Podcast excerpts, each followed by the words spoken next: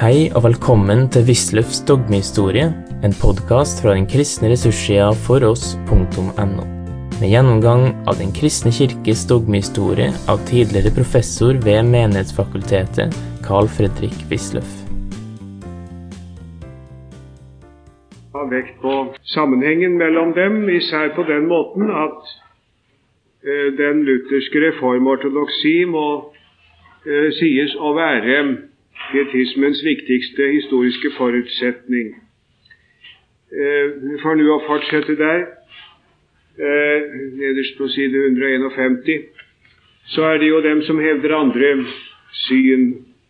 Ritschel har hevdet den katolske mystikk især som, som eh, en forutsetning. Og det er sikkert nok at middelalderlige bønnebøker ble brukt i nye utgaver av reformasjonen. Og det i en forbausende for utstrekning, eh, faktisk. De gjorde det. Men eh, det, det, er ikke så veldig mye som er sagt med det, mener jeg. Kan jo, man kan jo der bare sammenligne den eh, mest kjente av disse middelalderlige oppbyggelsesbøker, nemlig om Kristi efterfølgelse av Thomas A. Kempis. Fire bøker. Den fjerde bok den eh, tok man da ikke med, for fjerde bok den eh, handler om messen, og der kommer en del katolske messeofferforestillinger inn. Men de tre første bøker eh, taler jo i virkeligheten bare om hjertets indre liv med Gud. Og den leses da faktisk enda i stor utstrekning. Det er kommet utgaver på norsk for ikke så veldig mange år siden. For ikke å snakke om at gamle utgaver kan påtreffes rundt i husene hos folk, og åpenbart er i bruk. Andre har pekt på døpebevegelsen og altså reformasjonstidens radikale ånder. Og det kan være sikkert nok at det er en, en viss sammenheng, en viss sammenheng, især med radikalpietismen. Den disse ytterliggående som jeg nevnte, Brekling, Gichtel og hva de alle het, som eh, hadde en radikal innstilling til Kirken og overhodet ikke ville vite noe av den. Eh, men det var ytterliggående eh, retninger og svermeriske enkeltpersoner som aldri kom til å spille noen særlig stor rolle. Så er det jo det meste man peker på, det er at det kom fra reformert hold. Og det er også riktig. Spener f.eks. oversatte bøker av Labadi og denne sveitsiske reformerte predikant som slo seg ned i, i Nederland. Det er ganske sikkert det. Og som jeg nevnte, Johan Arnt har skrevet av Valentin Weigel og Angela da Foligno. Uh, men uh, hva er sammenhengen, må vi spørre, der hvor disse partier nå står? Og forholdet er at de står i en sammenheng som er bestemt av rettferdiggjørelseslæren. Gjesta Høek i en artikkel i 1950 i Svensk teologisk tidsskrift vil forstå teologiske retninger ut fra en undersøkelse av deres tradisjon og deres tendens. Han sier at en retning kan stå i en tradisjonssammenheng, men samtidig ha sin egen tendens, som fører bort ifra utgangspunktet. Og Han mener da at uh, pietismen står i ortodoksiens tradisjon, men følger en annen tendens. Det vil si at det har samme dogmatiske substans i grunnen. Ikke mye forskjell der. Men tendensen er forskjellig. F.eks. For mens ortodoksien legger vekt på den synlige kirke, samfunnet, ecclesia doctrix, så legger pietismen vekten på de enkelte fromme. Man taler mer om den usynlige kirke, og for så vidt som denne trer synlig frem, så er det eklesiola in ecclesia. Det er konventiklene som eh, Spener jo begynte med, og som senere ble mer vanlig. Eklesiola in ecclesia. Det er det fromme som man da tenker på. Og På lignende måte mener Gjøstad Haug så er det en sammenheng mellom pietismen og hernutismen med hensyn til tendens, men forskjell i tradisjon, fordi at hernuttene er i en spiritualistisk tradisjon. Jeg nevner det nærmest som en tanke til overveielse. Det er ikke så dumt å ofre det litt ettertanke men tror allikevel at det beste simpelthen er å ta utgangspunktet i ortodoksiens læresystem. Der, der er det jo slik at uh, Luther hadde to ankerpunkter, ikke ankerpunkter som det her er blitt stående, men jeg, en, en R må vi ha inn der. Han hadde to ankerfester da for sin teologi. Og Det ene det var det objektive frelsesverk som Gud har gjort i Kristus. Og det andre, det var forkynnelsens ord som gjør frelsen nærværende for oss, og som skaper troen. Evangeliet bringer det fullbrakte verk nær og uh, tenner troen i hjertet. Eh, nå, uh, Ortodoksien kan ha en viss tendens i retning av å betone det, det førstnevnte moment, det objektive, så å si, veldig sterkt. Og så blir det da nødvendig eh, likesom å betone tilegnelsen, virkeliggjørelsen, av det som man objektivt har. Eh, det der har eh, fromme lutherske teologer i grunnen sett hele tiden. Og pietismen er fra denne synspunkt sett ikke noe annet enn et alvorlig forsøk på i en ny tid, med en ny individualisme, å virkeliggjøre dette med tilegnelsen av den objektive frelse. Jeg, jeg, mener stadig at det er denne sammenheng med reformortodoksien som er det viktigste i pietismen. Og som jeg var inne på i går på slutten av timen, faktum er, man ser det særlig sterkt i Danmark, at halvpietismen i atskillig grad er en overklassebevegelse. Man ser reformortodoksiens bøker fremdeles bli lest, endog efter den egentlige pietistiske tid, sånn som jeg nevnte i forrige time. Uh, pietismen er da ikke noe helt entydig uh, fenomen. Uh, det er jo noe som det ofte har vært tale om. Den er mer individualistisk. Den betoner omvendelsen sterkere enn en dåpen. Den eh, legger en viss vekt på helliggjørelsen, kanskje mer enn rettferdiggjørelseslæren. Eh, det er i virkeligheten ting som mer har med den nye tid å gjøre, som man nå lever i. Den vil ha eklesiola in ecclesia, småkirker i kirken, altså samlinger. Det er grunnen uttrykk for noe av det samme. Eh, så er den sterkt eschatologisk interessert. Det eschatologiske aspekt kunne samtidig komme sterkt i bakgrunnen i den lutherske ortodoksi. Nå kommer det opp igjen, og interessant nok også viss, eh, et visst syn for eh, tankene om et kommende tusenårsrike.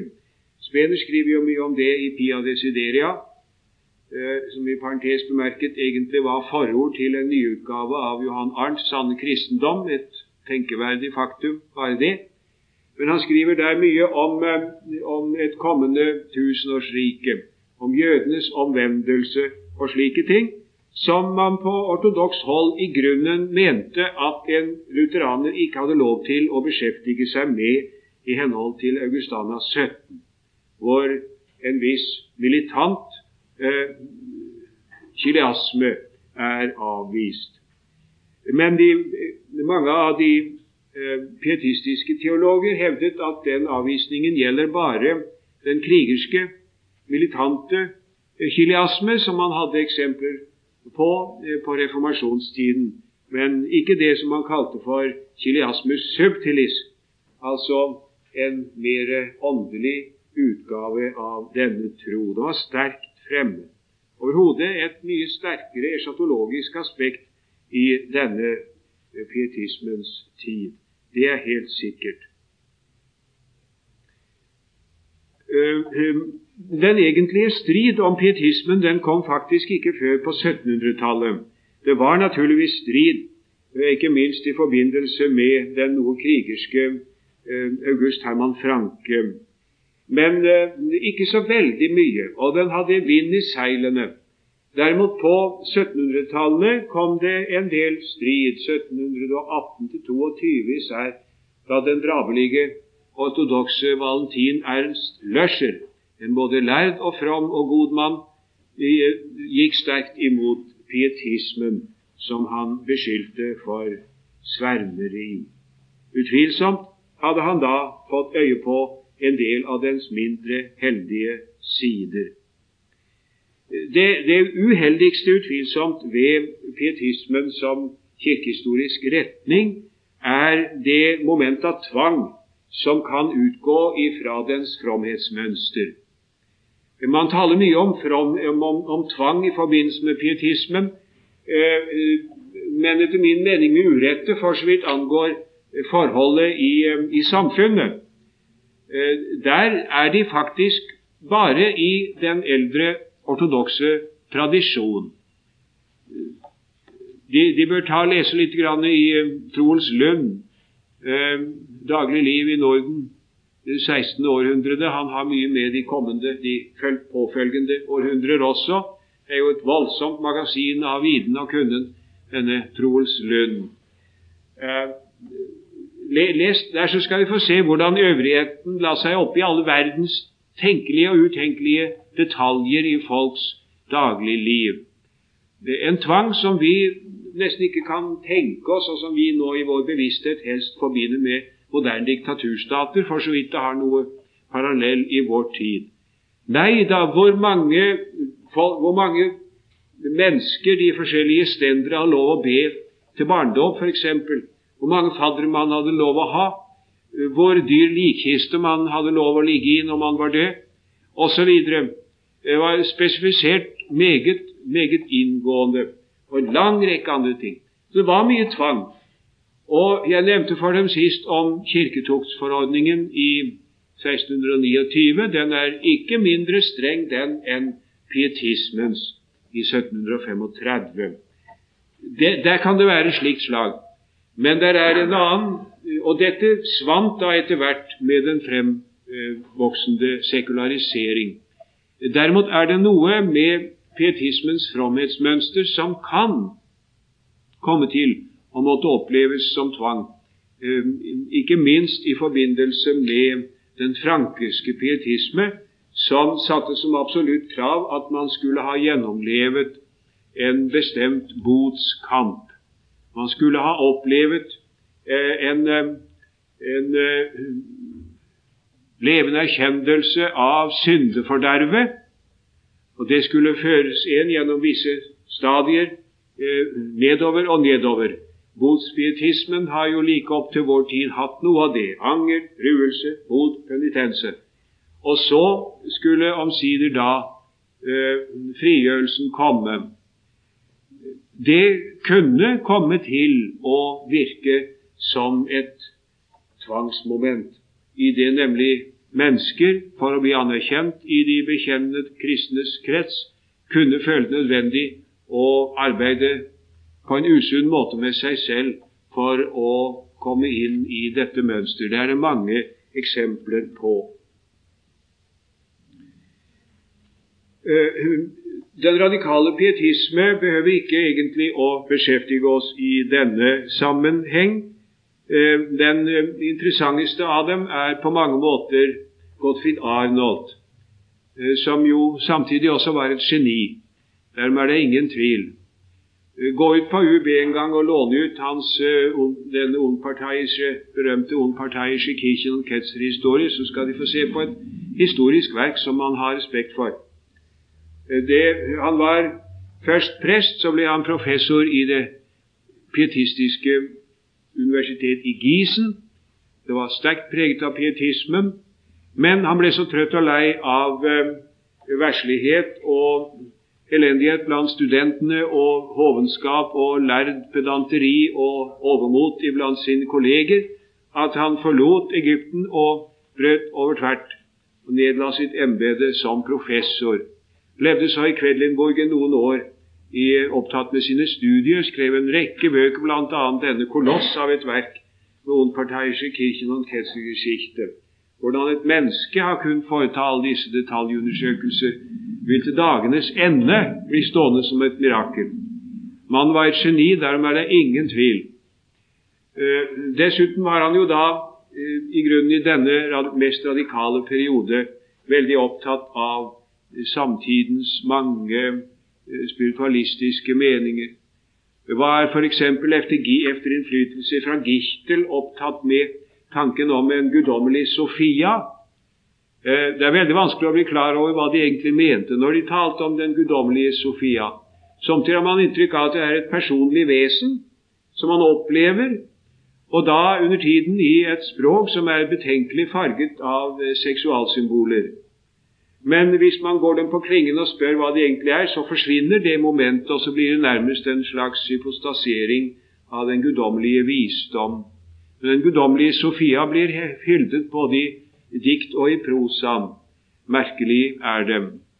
Men det absolutte betingelse for å kunne oppleve samfunn med den guddommelige Sofia, var at man ikke giftet seg. Absolutt eh, avholdenhet fra enhver eh, forbindelse med det annet kjønn i så måte. Overhodet helst ikke noe nevneverdig med det annet kjønn i det hele tatt, eh, for å kunne oppleve denne guddommelige Sofia. Det neste punkt, neste avsnitt for eh, Sebastian Frank er Nei, for eh, Ja, det er ikke for ingenting at Sebastian Franks ord kan komme, navn kan komme inn. Men altså Gottfried Arnold er at han, eh, han ble prest igjen og, og, giftet seg. Sånn at altså Sofia måtte faktisk vike for Eva i en viss forstand. Og, og eh, som jeg visst nevnte i går, Gichtel var veldig skuffet over dette, at han altså kunne synke så dypt som til å, å gifte seg ja, ikke nok med det, men han, han fikk jo barn med henne. Det er aldeles forferdelig å snakke om. Og så ble han prest. Eh, og eh, det, i virkeligheten hadde det ikke skjedd noen særlig forandring i hans grunnsyn. Det, han er spiritualist fremdeles. Han er nesten enda mer radikal spiritualist, skulle man fristes til å si. For alt utvortes er jo så likevel revnende likegyldig. Kirke, sakrament, ordninger, alt fullstendig. Og, det, og, konsekvensen kan man da trekke enten på den måten at man forlater all denne utvorteshet, eller man kan trekke konsekvensen derhånd at man allikevel lever midt i det, og for kjærlighetens skyld overfor de svake som ikke egentlig forstår en åndelig kristendom, tross alt lever i det. For det betyr jo så allikevel ikke noen verdens ting. Sånn øh, er det tydelig at han har tenkt, og det er det klareste uttrykk jeg har støtt på av den såkalte radikale øh, pietisme. Det var i grunnen et oppløsende eh, moment. Men den, pietismen for øvrig hadde ikke denne karakter. Generelt sett er det utvilsomt så at pietismen har en viss sammenheng med Eh, borgerskapet. Eh, den, især sånn som vi har den i Tyskland og i Danmark og i Norge, for så vidt vi hadde den, så er det borgerskapet som eh, formes av, av, av pietismen. Bøndene, de fromme, lever heller i reformlutherdommen, må man nærmest si. Så kommer eh, da den eh, merkelige retning som heter, eh, som heter hernutismen. Og der får den radikale pietisme og frankepietismen og de bømiske brødre et merkelig uttrykk i og med at alt sammen formes av eh, Sinsendorfs religiøse personlighet. Han eh, hans store interesse Jeg skal si meget lite om dette i denne sammenheng, men peker, vil nærmest peke på den eh, forkynnelsesmessige forskjell som er mellom pietismen og eh, hernutismen. For her møter vi noe som vi senere får gjenklanger av i fromhetens historie eh, i lutherdommen ganske ofte. For eh, Sinsendorf var evangeliet det store ord. Eh, han hadde ikke noe tro på denne botskampen som Franke var så stram på. Han mente at en omvendelse det er noe som skjer eh, fort. Eh, det er ikke noe eh, ideal at man skal gå og sukke og vente og kjempe og stride. Den lengste, den lengste omvendelseshistorie i Det nye testamentet det er hos Paulus, og den varte i tre dager, sier han et sted. Og I virkeligheten så var han omvendt allerede ute på marken da han traff Herren. Man, man kan si det på denne måten at den pietistiske fromme han har fått øye på sitt syndeforderv og sin jammerlige elendighet og syndefullhet. Og det eh, inntrykk er så sterkt at det går han siden med levende i sin bevissthet, og så trøster han seg ved å kaste blikket opp av og til på Kristus på korset, som har båret våre synder. Men derimot herr Hutten, han har en gang i et salig øyeblikk fått øye på den korsfestede frelser og grepet i troen det forhold at han har sonet for alle våre synder. Det lever han siden i, natt og dag. Og så ydmykes han av og til ved også å kaste et blikk ned på sin egen elendighet, som han for så vidt heller ikke glemmer, men som er et sekundært moment. Det er denne eiendommelige forskjell i betoning som går igjen om igjen og om igjen mellom disse to. Og Det ser vi også i vårt eget folks historie i foregående århundrede, hvordan tredje generasjon av haugianere var veldig strenge og ventet lenge med å tro at de var frelst. Vi har jo enda noen ganske få av disse som helst mener det skal ikke gå for fort. Det skal helst gå litt langsomt. Han gikk under loven i 20 år, sa en av Langelands venner til meg uh, en gang da vi snakket sammen.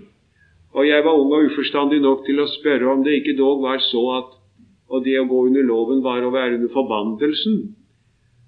Han bare så på meg og sukket. En slik vankundighet visste han ikke engang å, å, å binde an med. Uh, men, men, men, imot dette kom da altså den retning som Rosenius representerer, og som eh, for så vidt eh, ligner mer på hernhuttene, hvor det ikke er fordervet som man går med, strir med, kjemper med, bøyes under, og så trøstes ved å se på Kristus. Men det er Kristus som man først og fremst har fått se, og eh, budskapet om ham blir da det første og det siste. Fordervet, det glemmer man nok ikke, men det er et sekundært moment allikevel i sammenligning med det første. Fra midten av 1600-tallet er, er eh, åpenbart den eh, hele eh, åndelige atmosfære i Europa i ferd med å forandres. Uten all tvil må tenkende mennesker ha følt, ha følt det.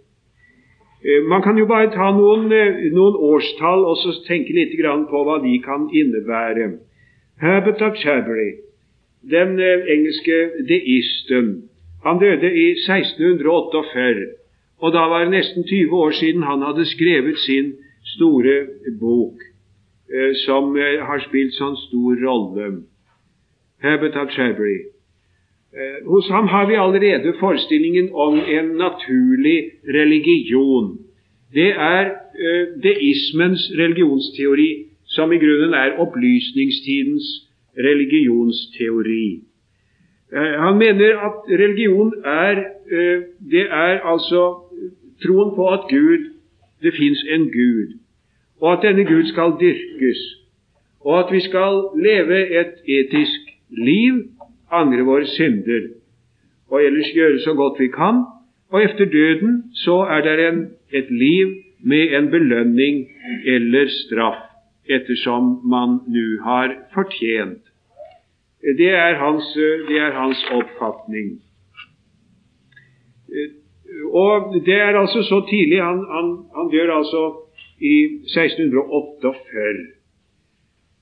Og Spinoza dør i 1677. Hobbes to år efter det.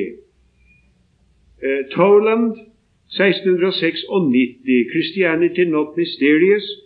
Og så i 1730, det er riktignok mye senere, så kommer Tindals bok som kaltes Deismens bibel, 'Christianity as Old as the Creation'.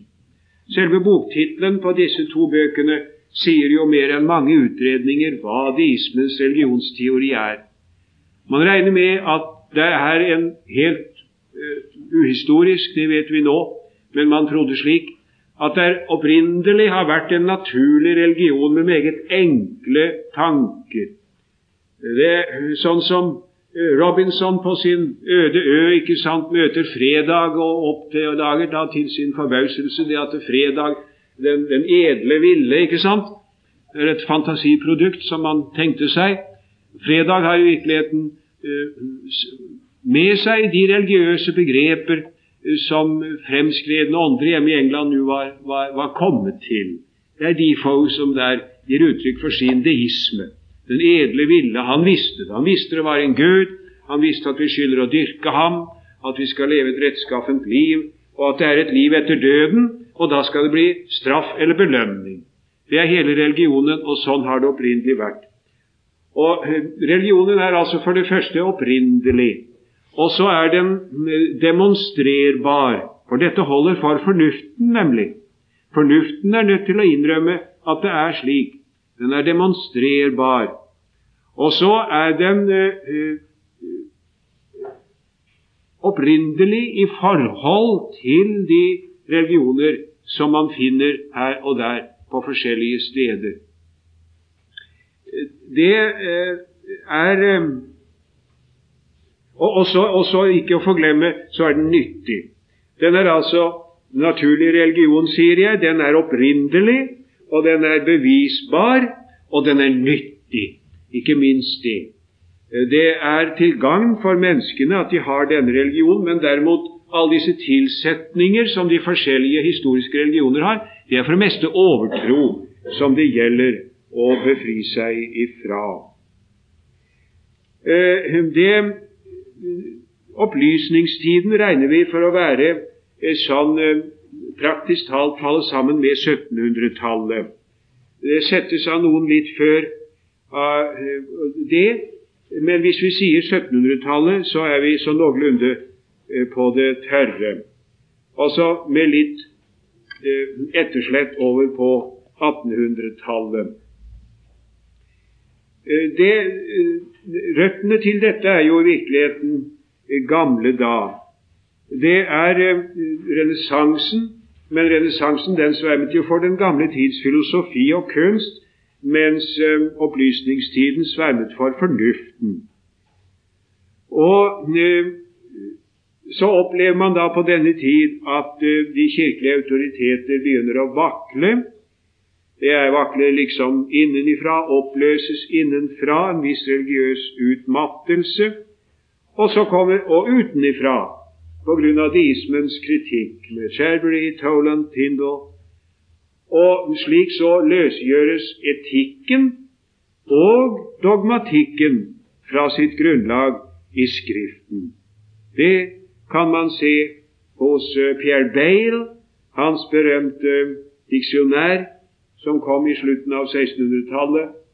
Der er etikken fullstendig løsrevet ifra den, det skriftgrunnlag som man før anså for å være nødvendig. For Skriften betraktes ikke lenger som Guds ord og som autoritativ troskilde i den tidligere forstand. Det, man bør her unngå eh, å bruke ordet rasjonalisme. Eh, det bør man merke seg. Eh, rasjonalisme det reserverer vi nå for den radikale eh, retning innen opplysningsteologien helt i slutten av 1700-tallet. For Danmarks vedkommende 1790-årene især. Det, det, det er den, den helt radikale retning. I virkeligheten er, er det galt å kalle det for rasjonalisme alt sammen. Istedenfor så taler man om neologi. Neologien den kommer i Danmark fra omtrent 1750. Da er det gammelt allerede i Tyskland. Det er den retning altså som vil holde fast ved de kirkelige dogmer, men som gir en rasjonal bevisførsel for dem. Det er den såkalte supranaturalistiske teologi. Supranaturalistisk teologi. Supra, altså det som er over det naturlige. Man ser tankemodellen er i virkeligheten den samme som hos deistene. Eh, bare at man regner med at det kommer en åpenbaring så å si ovenpå. Eh, tankegangen er omtrent som i skolastikken, at fornuften kan nå til et visst punkt. Fornuften kan bevise visse ting. Det var jo også deistene nødt til å innrømme.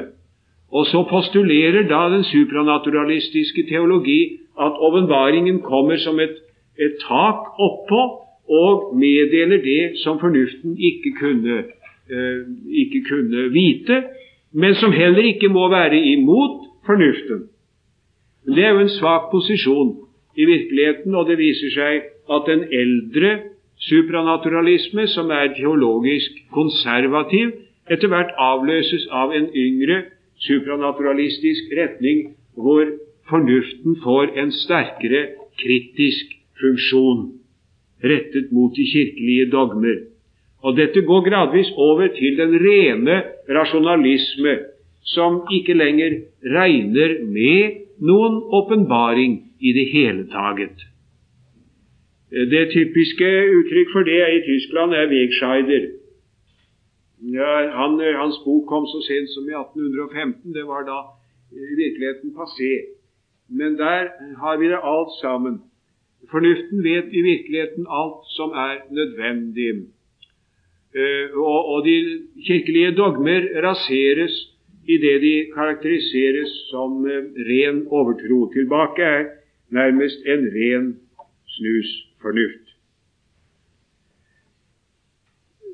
disse eh, teologene var sterkt opptatt av spørsmålet om forholdet mellom teologi og religion. Johan Salomo Semler, ikke Selmer som det står på linje 6 nederst på 153, Semler han gjennomfører en distinksjon mellom teologi og religion som siden har preget så stor en del eh, av eh, eh, den teologiske tenkning. Jeg har sitert noe av Leibniz der. La oss se på det. Equidem teologiam vere Christianam esse practicum constat, et primarium Christi scopum fuisse potius inspirare voluntati sanctitatem quam intellectu imitre notiones veritatum, må det stå, arcanarum.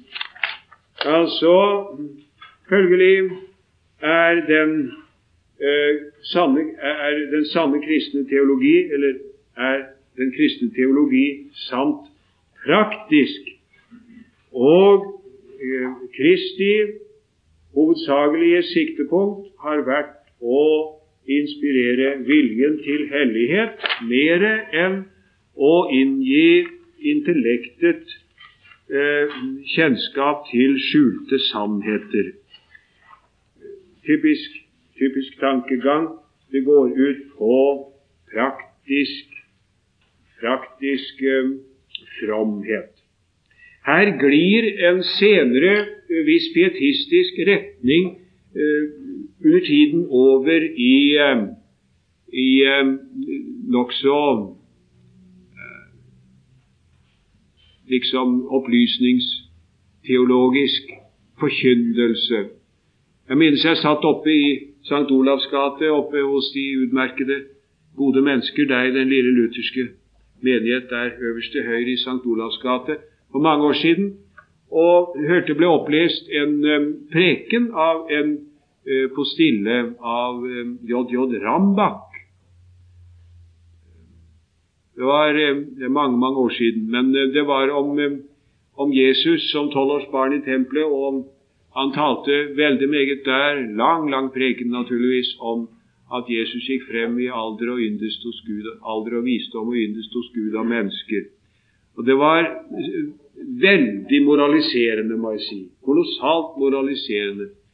Og jeg erindrer hvorledes jeg tenkte på at uh, her er skilleveggen nokså tynn uh, mellom en sterkt moralsk innrettet, innrettet uh, pietisme og en praktisk orientert opplysningsteologi. Jeg gikk frem og spurte hva dette var for en preken etterpå. Jeg visste ikke det. Øh, og så var det altså pietisten J.J. Rambach. Det er tidspreget, på en måte, som slår igjennom på begge steder. Øh, dette spørsmålet om hvorvidt vi har i Det nye testamentet og især i Den gamle kirke beholdt den sanne kristendom, eller om den er påvirket av helenistisk tankegang, det kommer opp tidlig. Ja, det er noe for den saks skyld gammelt. Allerede i annet århundre så kan vi se at uh, de beskylder hverandre for å være påvirket av gresk visdom. Men den arminianske teolog Souverain han vekker i året 1700 Tenk, det står 1600. 1700 spørsmålet om kristendommens helenisering. Kritiske synsmåter imot den tradisjonelle kirkelige teologi. I grunnen er det sånn at et filosofisk grunnsyn, et visst filosofisk a priori av en eller annen art, danner medium for forståelsen av religion og kristendom. Derfor fører opplysningstiden i grunnen ut i en eh, ørken, må en si, ut i den rene fornektelse, i den konsekvente rasjonalisme på slutten, som overhodet ikke regner med noen med noen åpenbaring i det hele taget. Og Følgen av dette igjen er at uh, om vi kunne si, som jeg bemerket i går, at pietismen er lite interessant for dogmehistorien.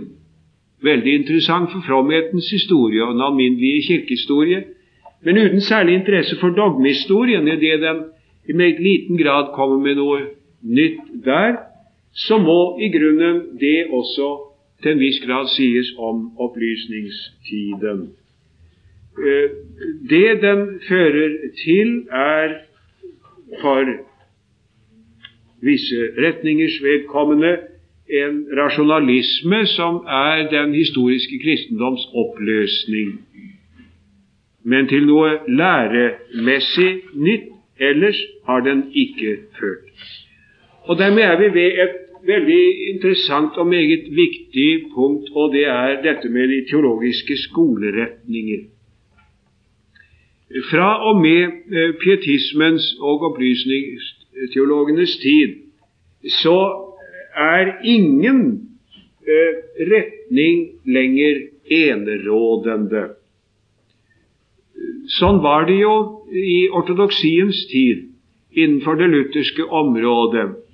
Ja, den var slik også innen de andre kirkelige områder, for så vidt som en bestemt ortodoksi dominerte alt. Ingen kunne på 1600-tallet ustraffet, upåtalt, uh, si eller gjøre noe som var i strid med den lutherske kirkes bekjennelse, respektive reformert eller katolsk, innen sine respektive områder. Det var fullstendig umulig, for dette dominerte og preget kirkelivet i det hele tatt. Men ifra slutten av 1600-tallet og så fremover er dette annerledes. Nå går siden visse retninger, visse tendenser, parallelt ved siden av hverandre. Og vi har fremdeles en eh, kirkelig ortodoks tradisjon og tankegang. Det er jo helt opplagt at vi har i kirkelivet fremdeles Nei, det er en, en retning, visse teologer som i alt vesentlig i sin tenkning og forkynnelse er bestemt av den lutherske ortodoksi. Vi har en vesentlig eh, pietistisk tradisjon, kanskje eh, og også en eh, må vi si, mer evangelisk tradisjon i betydningen av Sinsendorf og Rosenius. Og, og vi har en rasjonalistisk retning og tradisjon. Rent historisk kan man si at rasjonalismen ble overvunnet i begynnelsen av 1800-tallet, eh, men den er stadig til stede som en, eh, en, tendens, og gir seg jo utslag i våre dager i ganske høy grad i eh, form av kritikk imot det kirkelige dogme på en rekke områder. Ganske særlig er jo der jomfrufødselen eh, utsatt for kritikk, og likeså også tankene om kirkelige dogme om det radikale onde, om, om, eh, om arvesynden, hvilket naturligvis preger hele kristendomsoppfatningen på det aller dypeste. Slik er det. Og denne, denne tilstedeværelse av forskjellige retninger som aldri blir helt dominerende, men alltid må finne seg i at det er andre retninger ved siden av, er det karakteristiske resultat av den kirkehistoriske, dogmehistoriske utvikling. For 1800-tallets vedkommende er Schleiermacher eh, på mange måter uhyre avgjørende. Men det ser jeg jo at jeg ikke egentlig rekker å si noe større om nå. Eh, la meg allikevel bare runde av med noen få bemerkninger. Eh, Schleimacher har eh, på en måte neologien og rasjonalismen som forutsetning. Det er Kants kritikk der reinen Vernunft som altså viser at noen slags Bevis for det supranaturale kan vi ikke gi. Det eh, godtok Schleiermacher helt, og eh, lar det gjelde. Eh, det er det ene moment. Og det andre det er hans dypere forståelse av hva religion er. Han avviser på det bestemteste den deistiske konsepsjon, som også er opplysningstidens forestilling i det hele tatt om en naturlig religion. At altså menneskeheten i sin barndom har hatt denne såkalt naturlige religion med de enkle begreper om Gud og dyd og udødelighet, det eh, er han klar over. Det er en eh, uhistorisk forestilling. Det har aldri vært sånn. Det har aldri vært sånn. Religion eksisterer kun i form av konkrete religioner. Det er hans riktigere historiske erkjennelse av uh, det religionsfilosofiske forhold. Og dertil kommer hans beskrivelse av religion som opplevelse, følelse, gefühl. Religion er en følelse av absolutt avhengighet. Schlechtinige Abhängigkeitsgefühl. Religionen har sin egen provins im Gemüte. Eh, kristendom er derfor den eh, religiøse følelsessak. Eh, kristendommen er en historisk religion. Denne alminnelige religionsidé, som sagt, den avskriver han. Og Teologisk sett så er da oppgaven å beskrive den positive religion som fins. Man, man, kan ikke eh, si hvordan kristendommen skal være. Man har ikke noe absolutt målestokk i så måte. Men man vet hvorledes den er. Og det å fremstille da den faktisk foreliggende eh, religion i vitenskapelig holdbare satser deskriptivt er teologiens oppgave. Det er således typisk at Schleimacher lar dogmatikken være en historisk disiplin, ikke en normativ. Trosutsagnene er da ikke utsagn om objektiv virkelighet, men ytringer av den fromme selvbevissthet. I den faktiske virkelighet kommer da også Schleimacher til å innta temmelig kritiske posisjoner overfor det kirkelige dogme. Hans lære om skapelsen er sterkt panteistisk farget, og han har en subjektiv forsoningslære, altså om andre ord Subjektiv forsoningslære, det betyr jo, ikke sant, at Gud var aldri vred. Så Gud behøvde ikke forsones, men vi måtte forsones, for vi var redd Gud. Og så kom Kristus og viste at vi hadde ikke noen grunn til å være redd ham. Mens en objektiv forsoningslære går ut på at Gud var vred, måtte forsones, og det gjennomførte han selv. Eh, dette med den subjektive fromhet som utgangspunkt og den religiøse følelse er typisk for teologien stort sett på 1800-tallet. Hos Schleimacher har samtidig den religiøse følelse fått en kritisk funksjon, som sagt, hvilket viser seg i hans negative holdning til store deler av det kirkelige dogme. Schleimacher har en umåtelig stor betydning for teologiens historie fremover. Eh, like til, ja, for så vidt fremdeles, men i like til Karl Barth og dialektikerne kom i 1920-årene og eh, liksom ville ja, fremfor alt polemiserte imot, imot Schleiermacher og hele 1800-tallets subjektive innstilling. Vel, dette får være noen meget enkle og ufullstendige og utilstrekkelige bemerkninger til aller sist. Vi rekker ikke mer. Du har nå hørt Wisløffs dogmehistorie. Finn flere ressurser og vær gjerne med å støtte oss på foross.no. Følg også gjerne noen av våre andre podkaster, f.eks. Table Talks.